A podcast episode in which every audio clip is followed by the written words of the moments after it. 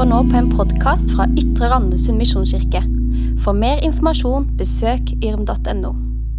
Jeg er Torvig Olin, og jeg er altså pastor her i kirka. Og vi snakker stort sett om hvordan det ser ut å følge etter Jesus i vår tid.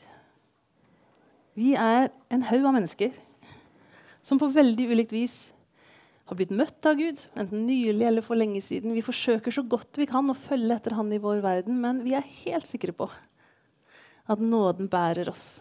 At da han sa det er fullbrakt, så er det fordi det er gjort ferdig.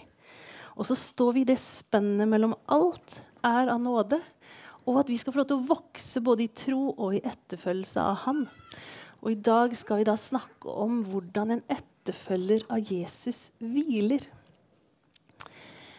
En god idrettsutøver snakker ofte høyt om restitusjon for å klare å prestere på toppnivå.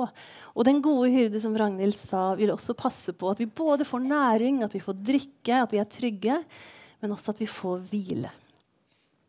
Og så er spørsmålet hvordan ser det ut? Og hva har Gud å si oss i dag? Jeg så et bilde på Instagram som påsto at hvis Paulus hadde fått sett den amerikanske kirka anno 2024, så hadde de fått seg et brev. Ja. Og så tror jeg at vi også hadde fått oss et brev av Paulus hvis han hadde sett Ytre Randesund misjonskirke. Eller kanskje han hadde sendt en mail, en tweet eller en snap. Eller nei, kanskje han faktisk bare hadde sendt et brev. Og da lurer jeg på hva hadde Paulus adressert hvis han fortsatt hadde rollen som apostel over de kristne kirkene i verden, og han så vår menighet og tenkte åh, der tror jeg må komme en lite liksom, fremstøt. Og kanskje kan vi anta ut ifra hvilke vers i Bibelen som treffer oss hardest. Hvor vi kjenner at ah, dette er enten litt vanskelig, eller dette trenger å bli sant for meg. Du og jeg vil sikkert være uenige og kanskje se ulikt på hva han ville skrive. Jeg lurer på om han hadde sett Ytre Randesund misjonskirke. Så lurer jeg på om han hadde spurt oss ut om vår travelhet og hva den skal være godt for. For det er fort at når vi snakker om hverdagen, når vi møter hverandre, når vi sier 'hvordan går det', 'hva tenker du om 2024', 'hvordan var jula', jo, så er ofte det ordet med i kabalen. Det er travelt. Jo, det ble hjemme hektisk. Jo, jo, det er nok å gjøre. Og jeg er fullstendig klar over at vi kan snakke oss travlere enn vi er. For det er jo nesten et statussymbol å ha full kalender og være litt travel. Det er faktisk noen av oss som har kjent at vi ikke er travle. For tempoet ble skrudd ned. Man ble kasta av. Kroppen klarte ikke mer. Man er ferdig i arbeidslivet. Eller livet tok en U-sving. Og så ble det stille. Og det er kanskje andres travelhet ganske sår å bli utsatt for. For det føles heller ikke som det er tid for meg hos deg lenger. Kanskje ville Paulus gjentatt seg sjøl fra Filipperbrevet 1,9. Og det kan jeg si, denne våren så skal vi være mye i Paulus sitt brev til filipperne. Så hvis du har lyst til å dukke inn i det brevet, så kommer du til å høre mye derfra i vår. Jeg tror at Paulus ville, som han gjør i alle andre breva, starta med å takke. For det er mye å takke for. Vi som bor i Ytre Randesund bydel, vi har mye å takke for. Vi er en velsigna plett i landet. Vi er omgitt av skaperens skjønnhet, han som har skapt så mye vakkert og plasserte oss midt i dette. Vi er velsigna med både gode skoler, med idrettstilbud, og nå har vi til og med fått en Kiwi. Altså, Hva mer mangler vi da? Det er bare å takke. Vi er flere flotte menigheter som sammen forsøker å nå ut til både de som ikke går i kirke, og ikke minst ønsker å være et eh, godt sted for barn og unge som vokser opp i bydelen vår.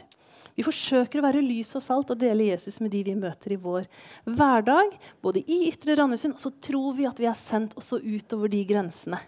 Ja, helt til verdens ende. Ja, Vi har mye å takke for, og det gjør Paulus i begynnelsen av Filippe-brevet. Så sier han, 'Jeg takker alltid min Gud når jeg tenker på dere', og alltid, i alle mine bønner, ber jeg for dere alle med glede. Så vi skal ta med oss takken. Før vi da kommer til det som er dagens tekst, som er Filipperne 1,9. Og dette ber jeg om, at deres kjærlighet må bli mer og mer rik på innsikt og dømmekraft, slik at dere kan forstå og avgjøre hva som er viktig. Og stå rene og uten feil på Kristi dag, fylt av rettferdsfrukt som vokser fram ved Jesus Kristus, til lov og ære for Gud. Det er et metta vers. Jeg hadde lyst til å begynne med det ordet som heter 'viktig'. For Paulus ber for de, og så kan vi tro at det også gjelder oss, at vår kjærlighet må bli mer og mer rik på innsikt og dømmekraft, sånn at vi forstår hva som er viktig. Og hva er innsikt og dømmekraft? Jo, Det er jo forståelse eller evnen til å se flere perspektiver. Og innsikten er i nær slekt med visdom. Ifølge definisjoner så er innsikt grundig forståelse, kyndighet, kanskje se sammenhenger man ikke har sett før. Mens dømmekraften handler om at vi reflekterer og vurderer. Og så tar vi beslutninger ut fra både kunnskap og informasjon. Og da skal vi vurdere hva som er best eller riktig å gjøre i en situasjon.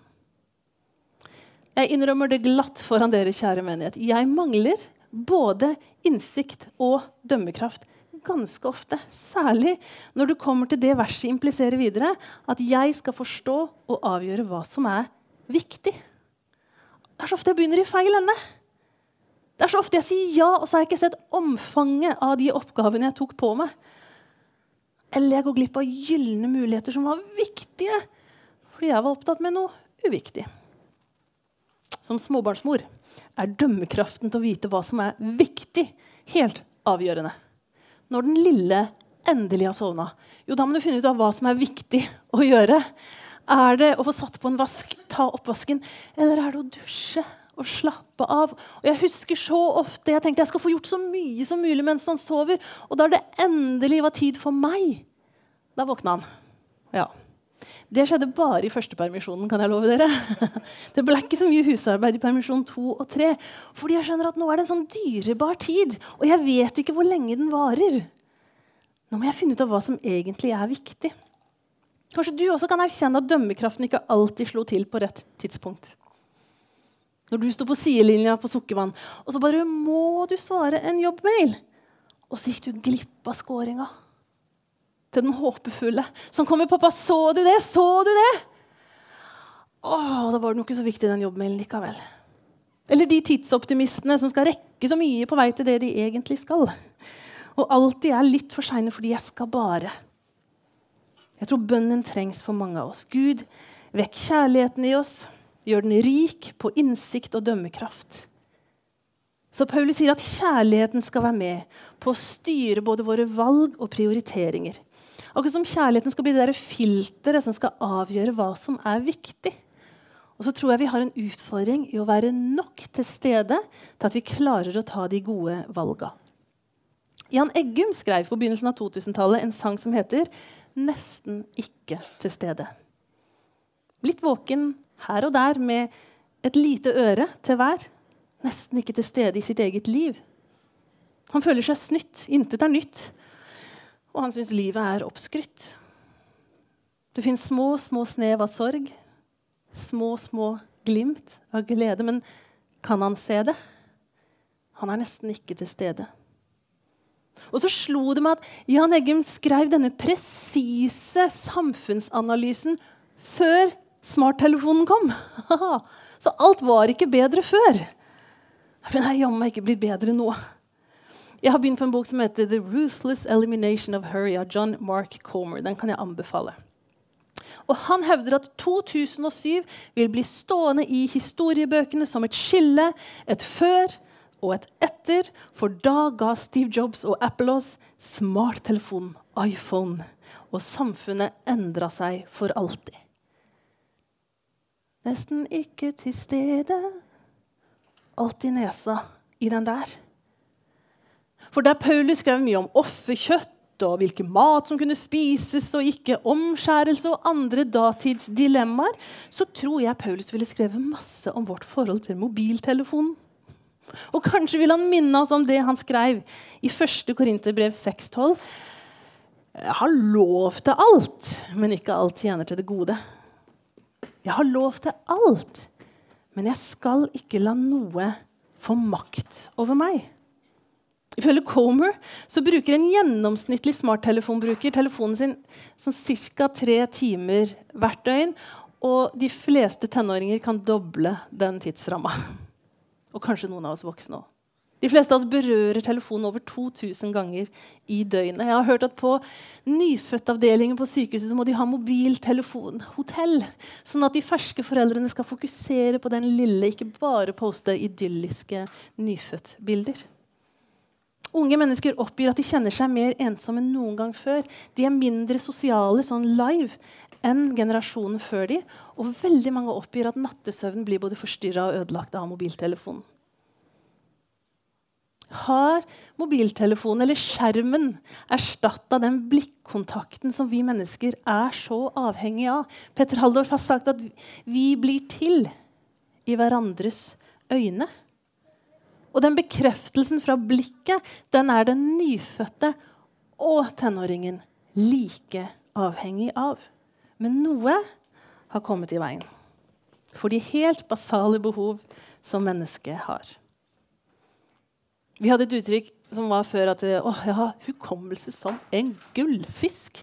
Vil si at du ikke huska særlig lenge det du egentlig skulle tenke på. Men nyere forskning viser at gullfisken har bedre konsentrasjonsevne enn mennesket i dag. Fordi vi mister så lett fokus. Vi skal bare Og plutselig så har tida flydd. Plutselig er muligheten over fordi vi scrolla oss bort.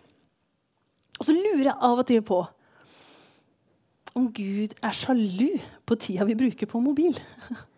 Jeg lurer på om han er nidkjær for min oppmerksomhet. Fordi det jeg bruker tid på, det preger meg. Og det jeg bruker tid på, er i bunn og grunn det jeg tilber. Danser vi rundt en ny gullkalv? Og er vi ikke alle mer eller mindre avhengige? Trøst Trøst mitt folk, sier deres Gud. Og jeg kan først og fremst kjenne at det her trenger jeg trøst for. For jeg kan kjenne på min maktesløshet når dette temaet tas opp. Og jeg kan kjenne på min dårlige samvittighet over det jeg ikke får til. Alt det jeg er avhengig av. Hvordan jeg ikke klarer å skjelne mellom hva som er viktig. Og da er det så viktig at Gud først og fremst møter oss med sin medlidenhet og med sin trøst. Jesus kom og blei menneske. Han føler med oss i vår svakhet. Han vet hvordan det er å være menneske. Og så står det at all god og fullkommen gave kommer ovenfra, fra himmellysenes far. Og Derfor tror jeg at vi skal både få lov til å ta imot trøst og håp for eget liv. Og så tror jeg at Gud også kommer med gode gaver til oss. Og jeg vil i dag snakke om det jeg tror er en av Guds gode gaver til oss. En helt nydelig gave han har gitt oss, som jeg tror han faktisk gleda seg til å dele med oss. En vane som han har vist at han sjøl tydelig har. Og en motgift mot travelhet. Jepp, du hørte meg rett. En hjelp til tilstedeværelse.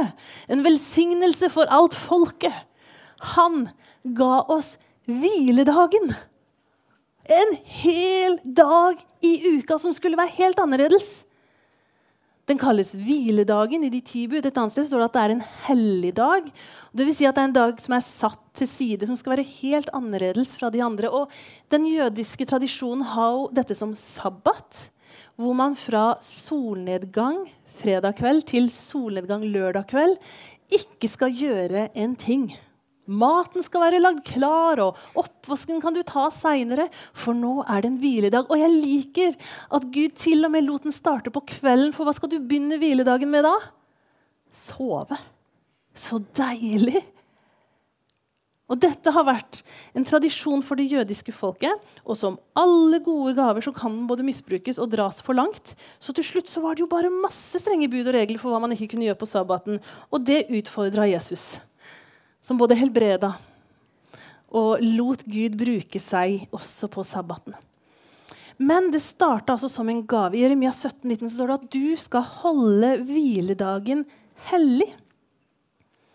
Og kanskje er nyttårsgaven som vi skulle gi oss sjøl, en hviledag. En annerledes søndag. Ikke den dagen hvor du bare skal klemme inn alt du ikke rakk men en hvilende start på den nye uka. Og søndag var første dag i uka for de første kristne. Så de starta uke, uka med hvile fordi de skulle ha et hvilende utgangspunkt inn i arbeidsuka. Og jeg er redd at En av grunnene til at vi betegner oss som så travle i vår tid, er at vi har glemt hvordan vi hviler. Hviledagen, den derre kjedelige søndagen hvor det aldri skjedde noe da jeg vokste opp, er blitt en travel dag for mange. For det er jo cuper og turer og Dyreparken og en tur innom søndagsåpne butikker. Det er trening, det kan jo være konserter. Ja, Egentlig så kan søndagen være like travel som lørdag. Men vet du at faktisk så er det lovfesta i loven om helligdager og helligdagsfred. Så står det her for å verne om det gudstjenestelige liv og den alminnelige fred på helligdager. Og for å gi høytiden, og da er søndagen inkludert, ro og verdighet skal det være helligdagsfred. Mellom klokka 06 og 13 er det ikke tillatt å arrangere eller holde offentlige tilstelninger eller forestillinger, sportskonkurranser og sportsstevner. Og nå får du kanskje lyst til å smelle til og si det er godt vi ikke er under loven, da, men nåden. Eller kunne vi ønske at denne loven ble praktisert? Jeg vet nå, jeg befinner meg på veldig farlig grunn. For det kan jo hende du tenker at jeg bare er en sånn nidkjær pastor som vil at alle skal innfinne seg her fem på elleve hver eneste søndag. Men ja, jeg tror at i en helligdag så er det å gå til Guds hus en viktig og en god vane for familien. Men som mamma som samfunnsborger så har jeg ofte stilt meg spørsmålet Ga vi vekk hviledagen for lett? Lot vi den glippe ut av hendene på oss? Anerkjente vi litt for kjapt at ja, selvfølgelig er det greit å ha bursdag midt i kirketid, og mitt barn er en av bursdagsbarna? Er det egentlig det hviledagen er til for? Er jeg alltid helt trofast ja på spond hver gang det arrangeres en cup eller en turnering for mine barn i ellevetida på søndag? Eller kan jeg kjenne at ah, det kjennes ikke rett? Aksepterte vi for fort den der danseøvelsen på søndager? Nja, mitt barn trenger å hvile den dagen. Og kanskje er sannheten jeg trenger å hvile fra den der sjåførtjenesten jeg har. Er det ikke deilig med en dag uten henting og orging og åh. Ga vi vekk hviledagen for lett? Hadde det ikke vært godt med et sakte tempo en dag i uka? Og så er spørsmålet hvordan hviler vi? Klarer jeg å slå av skjermen et døgn? Våger jeg alenetid, eller skal jeg invitere, kanskje utenfor kjernefamilien? Skal hviledagen være en dag hvor det er to kvalifikasjoner for det som skjer? Enten tilbedelse eller hvile. I stillhet og i tillit skal din styrke være. Det er et fint vers. Særlig litt sånn instavennlig innpakning. Men kan det hende at min styrke kommer på samme måte som musklene mine gjør? Altså gjennom trening. Hvis stillhet og tillit skal bli min styrke, må jeg øve på det. Jeg kan jo faktisk ikke tenke eller mene meg til muskler. Jeg må trene. Jeg kan ikke se på TV at andre trener. Jeg kan ikke stå i døra på Fresh Fitness, se inn og tenke åh, kjenner jeg svett allerede. Nei, det må øves, trenes, praktiseres. Og hvordan finner jeg styrke i stillheten? Ved å øve meg på å være stille. Slå av. Tåle uroen, rastløsheten og fraværet av impulser. Hvordan øver jeg min tillit til Gud? Ofte gjennom prøvelser. Vi har behov for hans inngrip. Tillit er en øvelse. Stillhet er en øvelse som kan bli vår styrke. Ok, Det der var kanskje instavennlig, men heldigvis står det i neste vers. Men dere ville ikke. Folk er folk, både da og nå. Nei, Det står om israelsfolket. Nei, dere sa vi rømmer til hest. Jammen skal dere rømme. Vi rir på raske hester. Ha, de som forfølger, er raskere. Så den, den der, at vi vegrer oss mot det som egentlig er godt for oss, det ligger i den menneskelige natur. At vi har lyst til å rømme fra stillheten, at vi har lyst til å fylle på for ikke å kjenne etter. Jeg var på retreat som start på 2023 på Vegårtun. En smak av retreat. Og da var det så nydelig, for det var for alle. Og en av de som var der, var ganske ung, kanskje i begynnelsen av 20-åra, og var ganske tydelig på at hun var ganske spent på å komme på retreat. Særlig når hun hadde skjønt at hun måtte være såpass mye stille, og at de anbefalte å ikke ha mobil. Og det var veldig skjønt, for jeg, altså Sliten småbarnsmor å få høre at det er, det er, stille måltider. Du skal få sitte helt alene i fred, være stille og spise. Altså Jeg satt jo som i en salig rus. Og så satt jeg ved siden av henne, og det beinet hennes det bare tappa og tappa. og tappa. Hun var så rastløs, hun hadde så lyst til å ut. Så fortalte hun på slutten av retriten at jeg grua meg. fordi at hjemme så ser jeg Netflix når jeg skal rydde rommet. Jeg har musikk på ørene når jeg gjør lekser. Jeg er konstant omgitt av lyd, og jeg var så redd for at den uroen jeg kjenner på, bare blir forsterka hvis min trøst blir borte. Og så står hun og lyser opp. Men vet du, når det blei stille rundt meg, så oppdaga jeg at det kunne bli stille inni meg. Så mente hun til slutt at dette burde egentlig alle på hennes alder få oppleve. Å bli fratatt mobil og impulsene som så ofte fyller dagen, og bare være stille. Det er et nytt år, og så velbrukt det uttrykket enn er, så er det nye muligheter for oss i år. Og kanskje kan det for oss være et hvilens år. Du er blitt gitt en hel dag i uka til å hvile. Hvordan hviler du? En venninne av meg skrev i julebrevet at nyttårsforsettet var å lære seg uproduktiv hvile. Hvordan hviler du? Og så for noen av oss må vi finne ut av hvordan hviler vi? Hva ser det ut som som familie? Jeg tror hviledagen er en Guds gave til oss. En dag der alt som skjer, skal falle inn i kategoriene tilbedelse eller hvile. En hellig hviledag. Og dette ber jeg om. At deres kjærlighet må bli mer og mer rik på innsikt og dømmekraft, slik at dere kan forstå og avgjøre hva som er viktig. Å stå rene og uten feil på Kristi dag, fylt av rettferdsfrukt som vokser fram ved Jesus Kristus, til lov og ære for Gud. Gud, takk for at du viste oss eksempelet. Du hvilte den syvende dagen. Du så på alt du hadde gjort, og sa 'se'. Det er overmåte godt. Og så tok du deg en lur. Og du kjenner hver og en av oss. Du kjenner vår uro, du kjenner vår travelhet. Eller kanskje fraværet av det og savnet etter å være aktiv.